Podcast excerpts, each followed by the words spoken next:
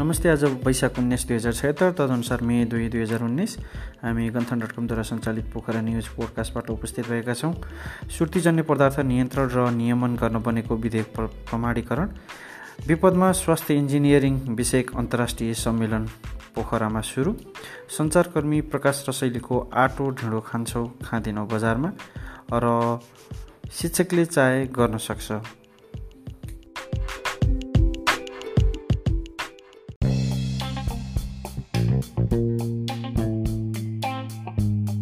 गण्डकी प्रदेश प्रमुख बाबुराम कुँवरले सुर्तीजन्य पदार्थ नियन्त्रण र नियमन गर्ने सम्बन्धमा व्यवस्था गर्न बनेको विधेयकलाई प्रमाणीकरण गरेका छन्।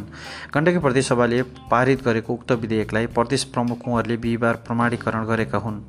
गण्डकी प्रदेश सभाको वैशाख आठ गते बसेको बैठकले पारित गरेको विधेयकलाई गण्डकी प्रदेश प्रमुख सभामुख नेत्रनाथ अधिकारीले सोही दिन प्रमाणित गरेपछि गण्डकी प्रदेश सभा सचिवालयको प्रमा सभा सचिवालयले प्रमाणीकरणका लागि प्रदेश प्रमुखको कार्यालयमा पठाएको थियो।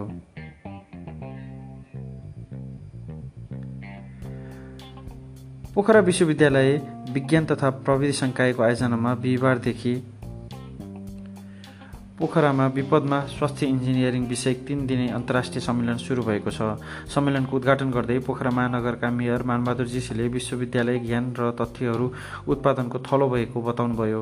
विश्वविद्यालयबाट प्राप्त ज्ञानलाई नीतिगत रूपमा कार्यान्वयनमा राजनीति तथा विकास कार्यकर्ताहरू लाग्नुपर्ने बताए। पोखरा र आसपासका क्षेत्रमा पनि विपदको उच्च जोखिममा पर्ने भएकाले मेयर जीसीले सम्मेलनका विभिन्न निष्कर्षहरूलाई कार्यान्वयन गर्नका लागि भूमिका खेल्ने प्रतिबद्धता व्यक्त गरे। नेपालमा स्वास्थ्य इन्जिनियरिङको व्यवस्थापन अध्यापन भर्खर सुरु हुन थालेकोमा यस्ता विषयहरूले यो विषयतर्फ विद्यार्थीहरूको आकर्षण बढाउने पोखरा विश्वविद्यालय विज्ञान तथा प्रविधि सङ्कायका डिन बुद्धिराज जोशीले बताए।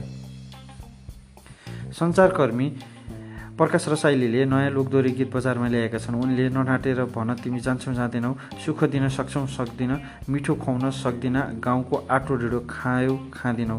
बोलको गीत बजारमा ल्याएका छन्। गाउँको परिश्रमी युवा पढाइको सिलसिलामा सहर झरेपछि सहरिया युवतीसँग प्रेम बस्नु तर उसलाई गाउँमा लैजाँदा दुःख गर्न नसक्ने हो भने तिमी भन्ने पिर र मर भन्ने पिर र प्रेमिका प्रति प्रतिको मायाको भाव उनको गीतमा समेटिएको छ।